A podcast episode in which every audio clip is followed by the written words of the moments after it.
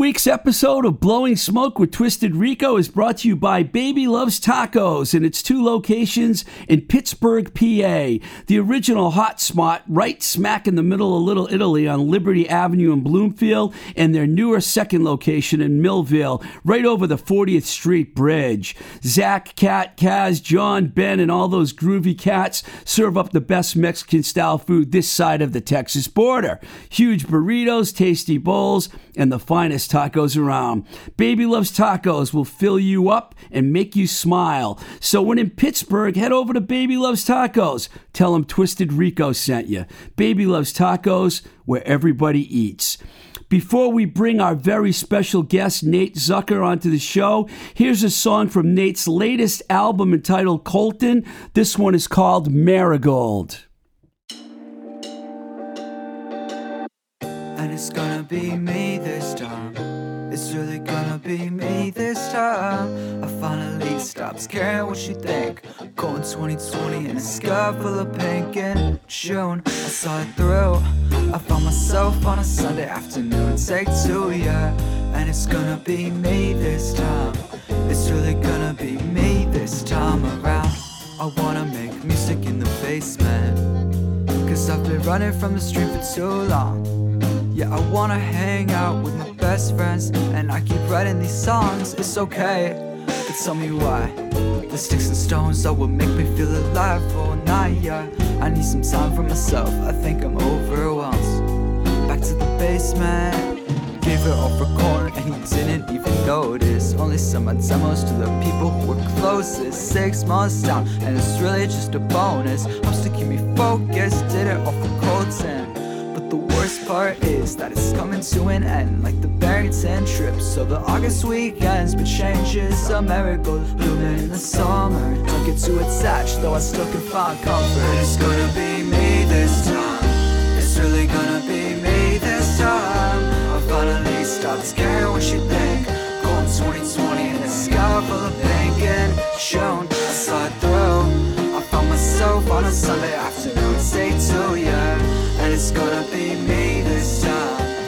really gonna be me this time around. But nothing gold can stay. I took the long way out, and when you went away, I wasn't quite myself. I knew it wouldn't last, but I could hope to God It's a disregard for the past, and I still play the odds. What's that say about you? Yeah, it's a compliment.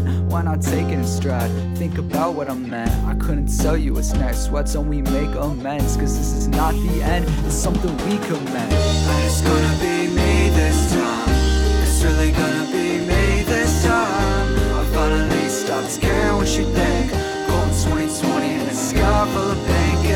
shown. I saw it through. I found myself on a Sunday afternoon. Say yeah. And it's gonna be me this time. It's really gonna be me this time around. And a sky full of pink and shown. And a sky full of pink and shown. Cold in 2020 in a sky full of pink and shown. I saw it through. I saw it through. I saw it through. 2020 in a sky full of pink and shown. And it's gonna be me this time. It's really gonna be me this time. I finally stopped caring what you think. Cold 2020 in a sky full of pink and shown. I saw it through. I found myself on a Sunday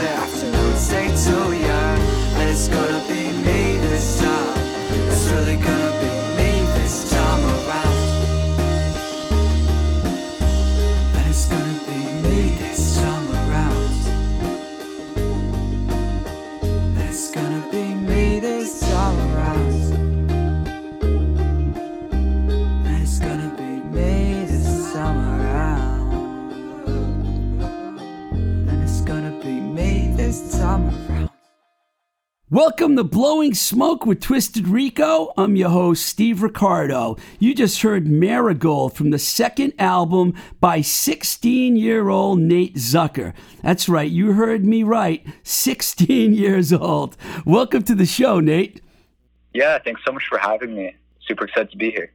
Yeah, we're, we're very happy to have you. Um, Nate was introduced to me by Ellie V, the singer of The Charms, who also do they do the t- theme song for the show that you hear every week, so pretty. And she was raving about Nate, and I went and checked him out, and I love the stuff that I heard on uh, Bandcamp and Spotify, and you can find his stuff everywhere. We'll tell you about that later. Uh, Nate, you told me that you heard a song when you were around nine years old, and then you became interested in electronic music. Can you share that story with us? How that all went down? Yeah, definitely. So um, when I was nine, I was in third grade, I think. Yeah, uh, I was in third grade, and um, I was just kind of like vaguely into like watching YouTube videos at the time, and I remember I watched this one video with this song um, in the background. It was like an electronic dance song uh, called "Goodbye Winter Chords" by um, Rogue, who's like a EDM Okay. artist. Yeah. And that, and I remember I went to his SoundCloud to check out his other music because I just really, really liked the song in the background. And before this time, I didn't even have really an interest in music at all. I just was kind of like into like other things. But um, I found his SoundCloud and I started looking at his other songs, and that kind of eventually led me to find like other artists. And around that same time, a friend of mine showed me, I think, GarageBand, and those kind of like two interests of mine with this artist and like GarageBand kind of like merged together. I started making these songs, and obviously they were very bad because I knew absolutely nothing about music. But it got me really interested at a young age, and I'm very grateful that I found that song, and that artist, because it really sparked this whole thing that I do now. I guess. Wow. So you started actually using GarageBand when you were nine? Yeah, I think a friend of mine just showed it to me. And what's funny is it wasn't even like I was really writing my own stuff. They have these things called loops, which are like right. kind of pre-made like components of songs and i probably spent over a year like all i was doing was just piecing those together because it wasn't like i'd played an instrument. I didn't know anything about music or music theory or anything. Like i taught myself piano and like music theory at like a basic level but yeah i was just figuring out like how music sounded basically and like what sounded good. Do you play instruments now on a regular basis? Um, I basically taught myself kind of like basic piano. I can like figure my way out around the piano, and uh, I do a lot of stuff, kind of like collaborating with other artists who play, you know, guitar, or drums, who can uh, help me kind of get the sound that I am hearing in my head out into the song and like actually finish it. But I do use a lot of like synths and stuff on a keyboard. You can use these sounds that basically sound like strings or sound Right. like an electric keyboard. So it's very versatile to be able to play piano and connect that to a computer and to make all these different sounds. Well, I'm pretty impressed that you started doing that at such a young age and figured all that out. Um, you just released your second album, which is these are both available both digitally only, correct? Uh, yes, right now, yeah. So, um, Colton is your new record that came out in uh, December, and before that, Come Through. They're both on Spotify and Bandcamp. What it, what it was the recording process for you, and uh, when you started, say on Come Through? How, tell us about your process that you went through to record that record. Yeah, so it was actually very um, different from most of my music. So, yeah, as I said, I've been making music since I was nine, and I released probably, I'd say, close to a hundred songs that were instrumental, a lot more electronic than the stuff you've been hearing on my Spotify and Bandcamp and whatever, um, and just a generally a lot like more, I'd say, chill, melodic stuff. Um, and this was really like my first time releasing one like an album or like an extended body of work and two collaborating with other people um, and doing vocals so i taught myself how to sing very quickly because i heard some songs that had vocals in them that i really wanted to kind of capture the sound of and that basically propelled me to collaborate with vocalists like Adi and Catherine and Alex Bloom and uh, Elijah on um, Come Through and also collaborate with instrumentalists like Will and Dan on uh, Colton. But basically, I'm, I'm sorry. Like you, I know you told me you go to Needham High School. Are these other kids that are in the area that you collaborated with? yeah. So some of them go to my school. Um, like Adi, uh, she graduated now, but she I met her in a recording music, a film scoring class that I took uh, last year, and like almost I think it must have been like a month before quarantine started. We just started talking, and I asked her if she wanted to like work on a song with me, and it turned out really well, and that was putting me through. And um, people like Catherine and um, Elijah um, are from New York City, and I've actually both of those people I've never met. But what happened is a friend of mine, um, Malcolm Zeller, uh, he also has a Spotify. He makes kind of like house music. It's very very good. But he introduced me to these people. Basically, I sent him a song of mine, and he recorded their verses on top of this song, like for me. So I basically sent them the beat, the instrumental. They sent me back vocals, and then I mixed it all together, and it was a really cool process. And fantastic. That album, uh, "Come Through," took place entirely over quarantine. So all those collaborations, I think, with the exception of Adi, which was right before quarantine, uh, were all virtual and all done just like through me reaching out to people. And it was a pretty cool process, pretty unique. Yeah, you mentioned to me that you recorded both of these records during the pandemic. Uh, did you direct all your energy towards music during the lockdown? Like, were you out of school for a little while? I know, besides the summer. I mean, did you were you out of school in March and then you just started doing this, or did it happen in the yeah, summer? So, uh, I wrote my first song on Come Through December 2019, in December 2019, and I released that on SoundCloud, followed by Putting Me Through, which came out on SoundCloud in like February, um, oh, in Riverside in like January um, of last year. But basically, I still had a bunch of tracks I wanted to do, and uh, I got let out of school because of COVID on, um, I think, March 13th or 14th. Yeah, it sounds about right. And I had two weeks just of no school. And I basically, during those two weeks, I remember like the first night I got out, I just put all my energy into like finishing the track come through. And I was just very, very focused on music for that time period. And even going after that, like I had a lot of free time and I basically put it all into this album. And I was super happy with how it turned out at the time. Yeah, there is a different there's a definite upgrade when you go from Come Through to the record that you put out in December, Colton. Like for example, the song Marigold that we just listened to, just absolutely really, really good. I mean, did you did you feel that growth happening while you were recording? Yeah, definitely. Um, I think the difference for the most part was there was kind of two main differences. One was the um, just like the amount of experience I had with like writing music that had like vocals in it, and that was kind of like almost like a pop sort of like format. Right. Um, but the other one was kind of the amount of time I spent in like my process on writing the songs. On songs like Riverside and Come Through off Come Through, um, I would write the vocals and produce and do the entire thing just kind of like at once in my room by myself. And it was just kind of like all done like together and like as one big process. But with Colton, actually, for the most part, um, I started writing Colton in May, in early May. Um, and I just kind of sat at my keyboard in my room and came up with these songs. And there was just no production. So I basically spent three months writing, just writing and no producing. And then I spent like the next three months producing. And that kind of process really made sure that the songwriting was really strong before I got to the production part.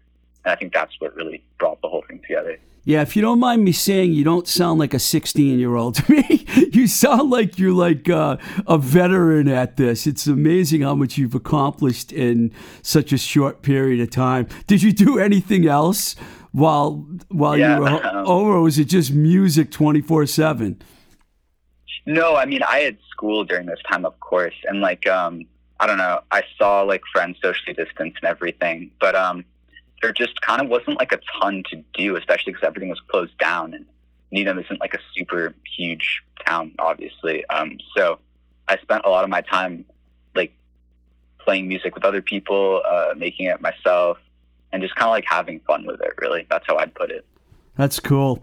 Um, I have something interesting I'm going to do with you right now. So, um, I decided to reach out to another 16 year old to help me with this interview. And uh, I have some questions for you from one of our listeners, Nina, who's also 16. Yes, she is. And she's a fan of your music. And she lives out in Colorado. So I'm going to I'm going to ask you the questions that she sent me. Are you ready to take this on, Nate? I mean, you think you yeah, can handle definitely. it? okay. Let's go. Okay, Yeah. th- these are a little different than the questions I asked you. The first one was, What is the hardest thing you've gone through which music has helped you through? Um, I think my immediate answer would probably be quarantine. And the reason I say that is because it wasn't so hard for me, like mentally, because I had these projects that were kind of ongoing throughout the entire thing that kept me like on track and motivated. But I think if I didn't have anything during that time, it would be a lot harder and just generally like a lot less enjoyable. Or I mean, as like enjoyable as it can be, you know, quarantine. But yeah, probably COVID. Yeah, this isn't her question. This is mine. I wanted to ask you this because I was wondering how do your parents feel about what you're doing right now? I mean, are they like telling you, well, don't forget you're in school? I know you want to be a rock star, but you're still in school? Or are they like totally on board with the plan?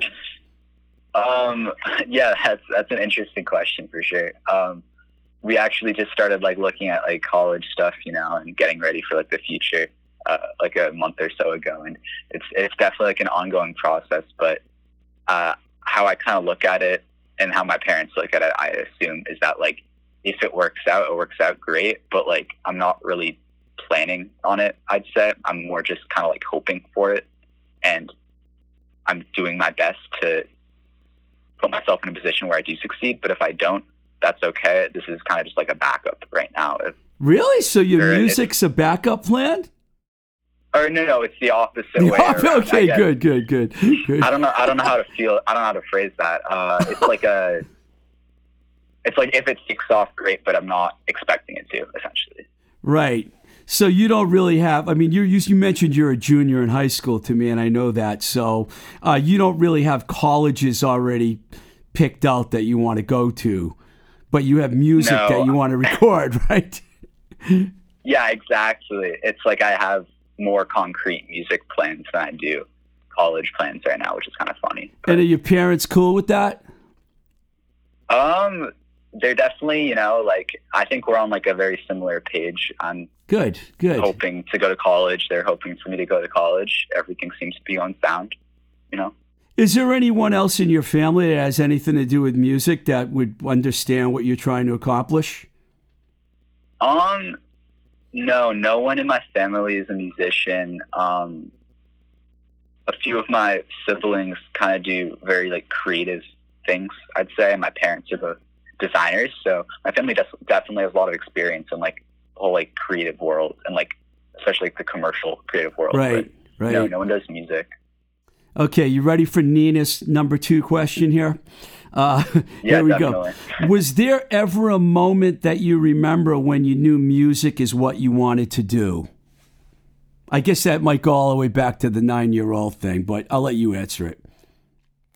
Um, uh, yeah, I guess taking that in like a slightly different direction, just because like I answered the the nine-year-old thing already. Um, talked about that, but I guess um, I took a really long hiatus from music in like my freshman to sophomore year, kind of like middle freshman year to middle of sophomore year um, of high school.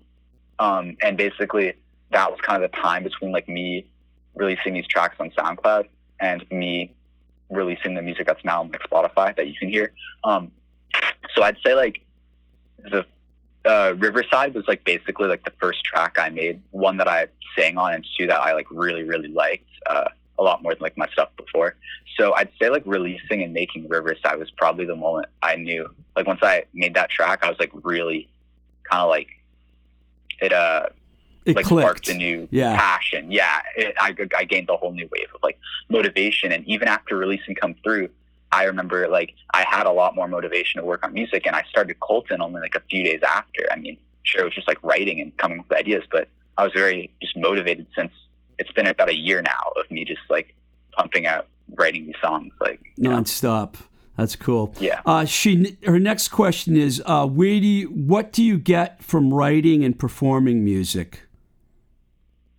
That's a good question. Um, I have not been able to perform my music yet. Uh, I hope to, but it's been a pandemic, and I don't really want to do it virtually because I feel like that kind of detracts from the experience a little bit, especially with like what I'm trying to go uh, for.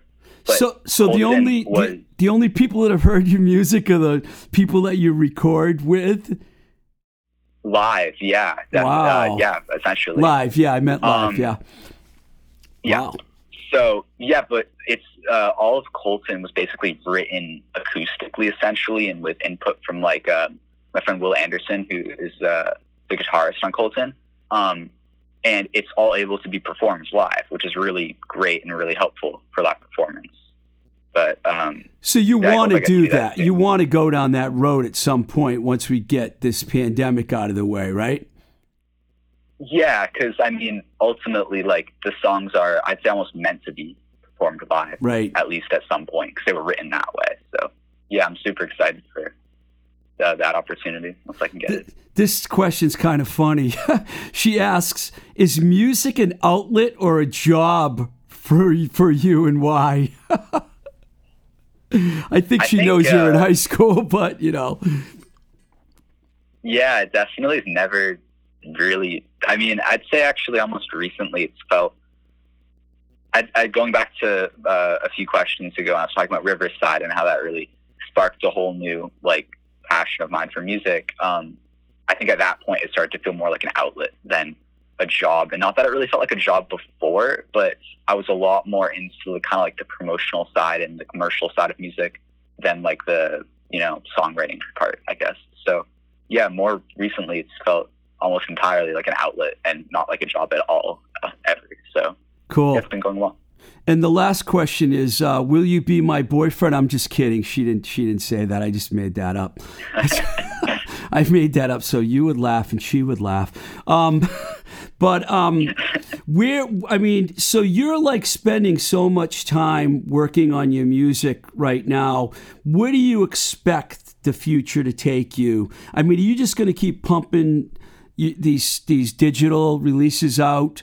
on Spotify? Like, are you already working on your next one, or I mean, what's your plan? Um, that's a very good question. I think my plans are always changing, and I mean that on the basis of a day, like on a day to day basis, sometimes an hour to hour basis, in fact. Um, but for instance, I have a few singles that I'm working on right now. Um, they're kind of like almost a mix between Colton, Come Through, and a little bit of like a punk rock influence in some places. oh, really? Cool, cool. Yeah, but I guess, um, yeah, I'm not sure right now. I'm very happy with how Colton and Come Through turned out, but I think I'd definitely like to branch out into something new, something different, because Come Through and Colton were pretty different, and I kind of want to keep that up and Is eventually there just kind of like find my sound.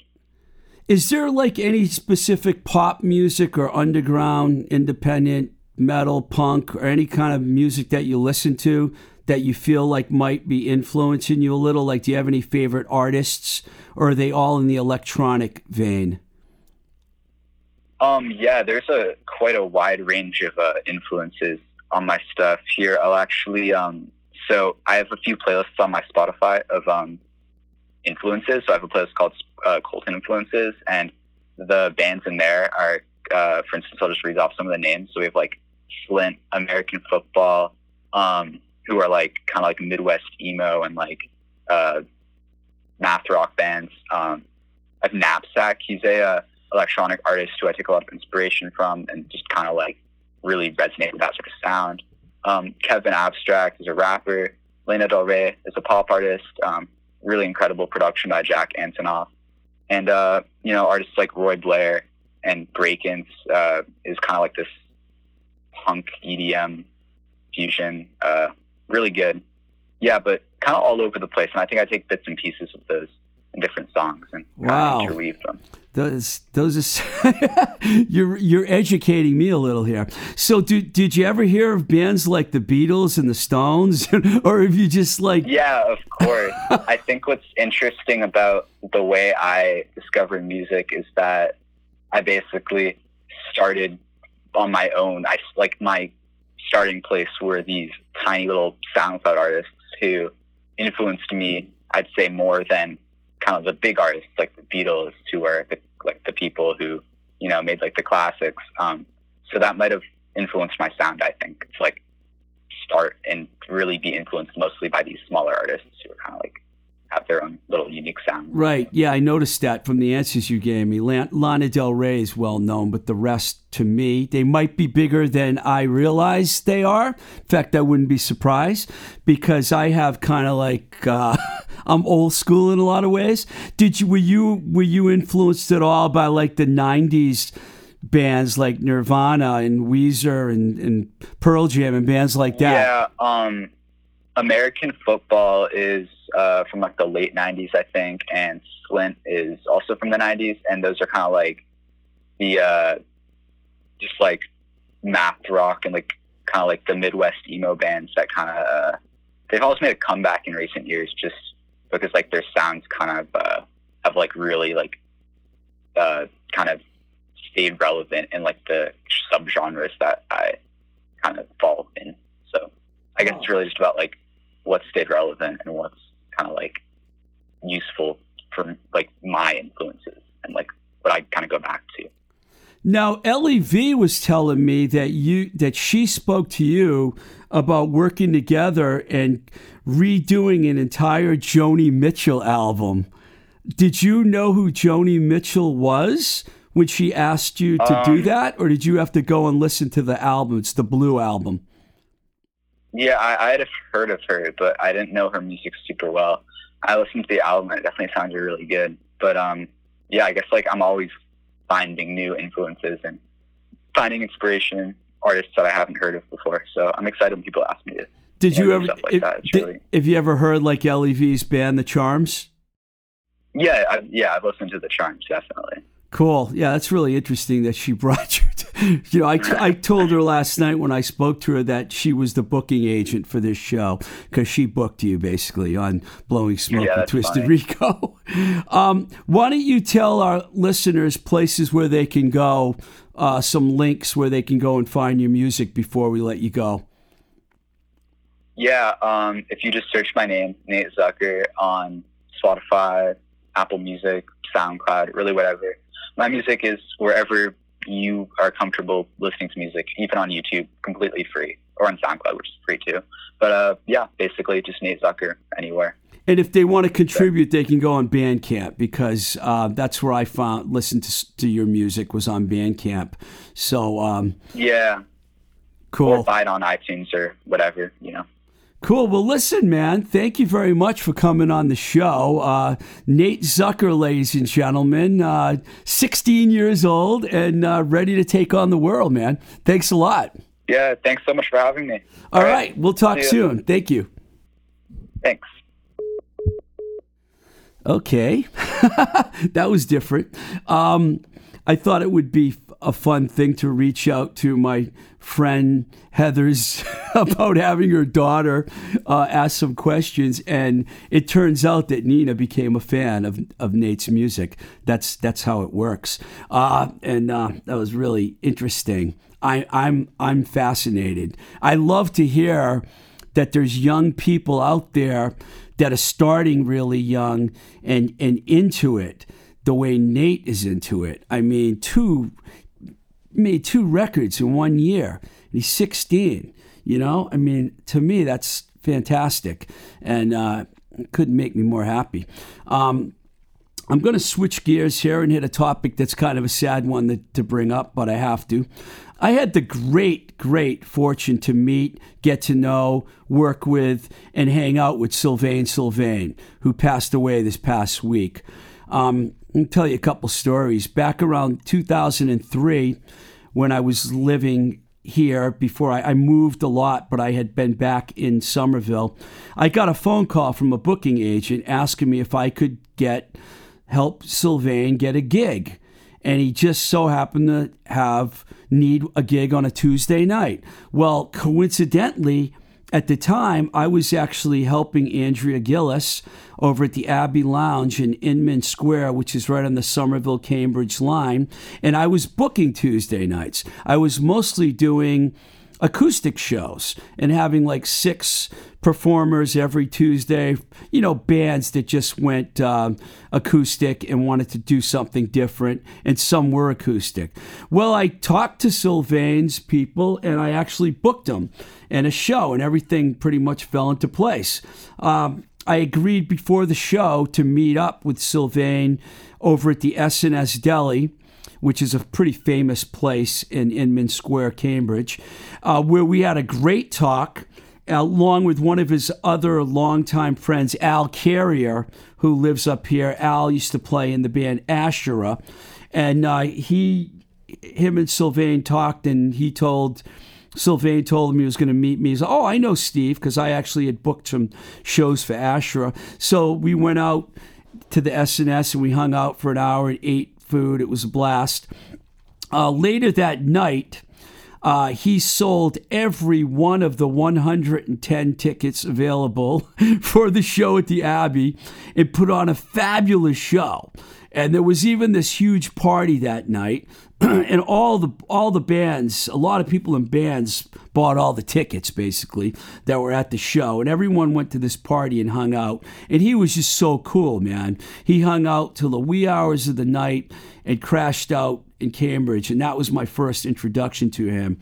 A few years later, when the New York Dolls reunited, um, the Charms, who I was managing, uh, happened to also, uh, who happened also do the intro and outro music on the show. I try and say that as often as I can. Were invited to play the Underground Garage Festival in New York City on Randall's Island in August 2004, and the Dolls and the Stooges headline that show. So once again, ran into each other backstage. Hey, how you doing? I actually uh, know or knew the New York Dolls manager uh, Darren Hill at the time. So that was pretty cool. And um, then later, at the end of 2004, the Charms once again opened for the New York Dolls in New York City on New Year's Eve on a show that was partly televised on ESPN. So the whole thing was going great between the two bands. And then a couple of years later, guess what? They did 22 dates opening for the Dolls across the United States. I got to see probably about six or seven of those shows. And every time I saw Sylvain, we spoke. He was a nice, sincere man. We have a lot of mutual friends. Um, he's a true legend uh, of rock and roll because the New York Dolls, you know, in the early 70s were one of the most influential early bands combining glam and punk.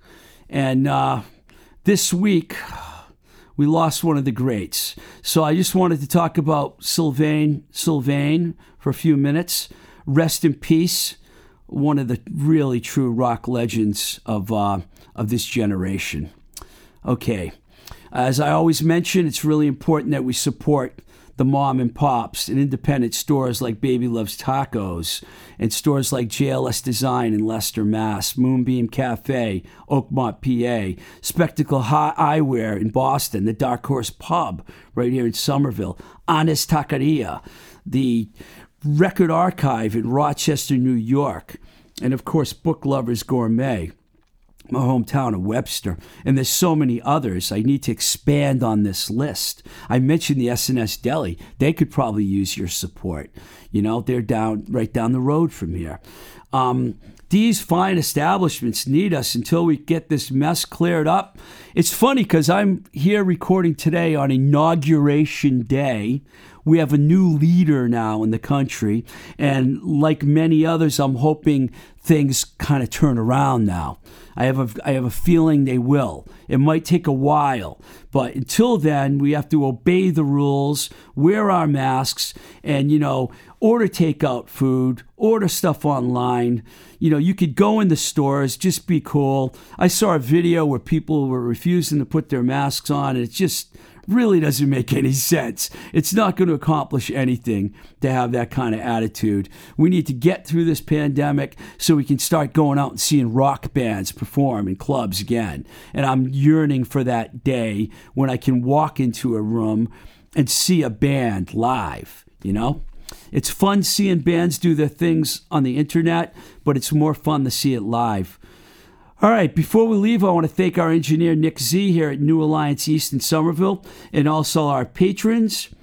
Um, we had some new ones in the last few weeks. I really appreciate it. These monthly contributions keep this podcast going. So if you want to support this show, go to patreon.com forward slash Twisted Rico. If you have any comments or questions or whatever, you can email me at twistedrico at gmail.com. I also encourage any bands to send me MP3s and links because we recently earlier today, finished the second Twisted Rico radio show, which is a reality now. We're going to be doing them regularly. Well, be playing about 25 songs on every show. So I'm always looking for more. Believe me, I have a lot of music, but I'm always looking for new, newer stuff to play. So please, twistedrico at gmail.com if you're a band and you want to send something over. You can follow us on Instagram at Blowing Smoke with TR and also at Twisted Rico. And there's also a Blowing Smoke with Twisted Rico Facebook page. And many of these shows end up on YouTube. And uh, some are audio only, but my friend Herb actually puts them up and he adds photos and things to it, talking about the great Herb Morsiglio, who engineered many of my shows, has been helping me with the YouTube still. And I want to tell you right now, we have another great show planned for you next week, okay?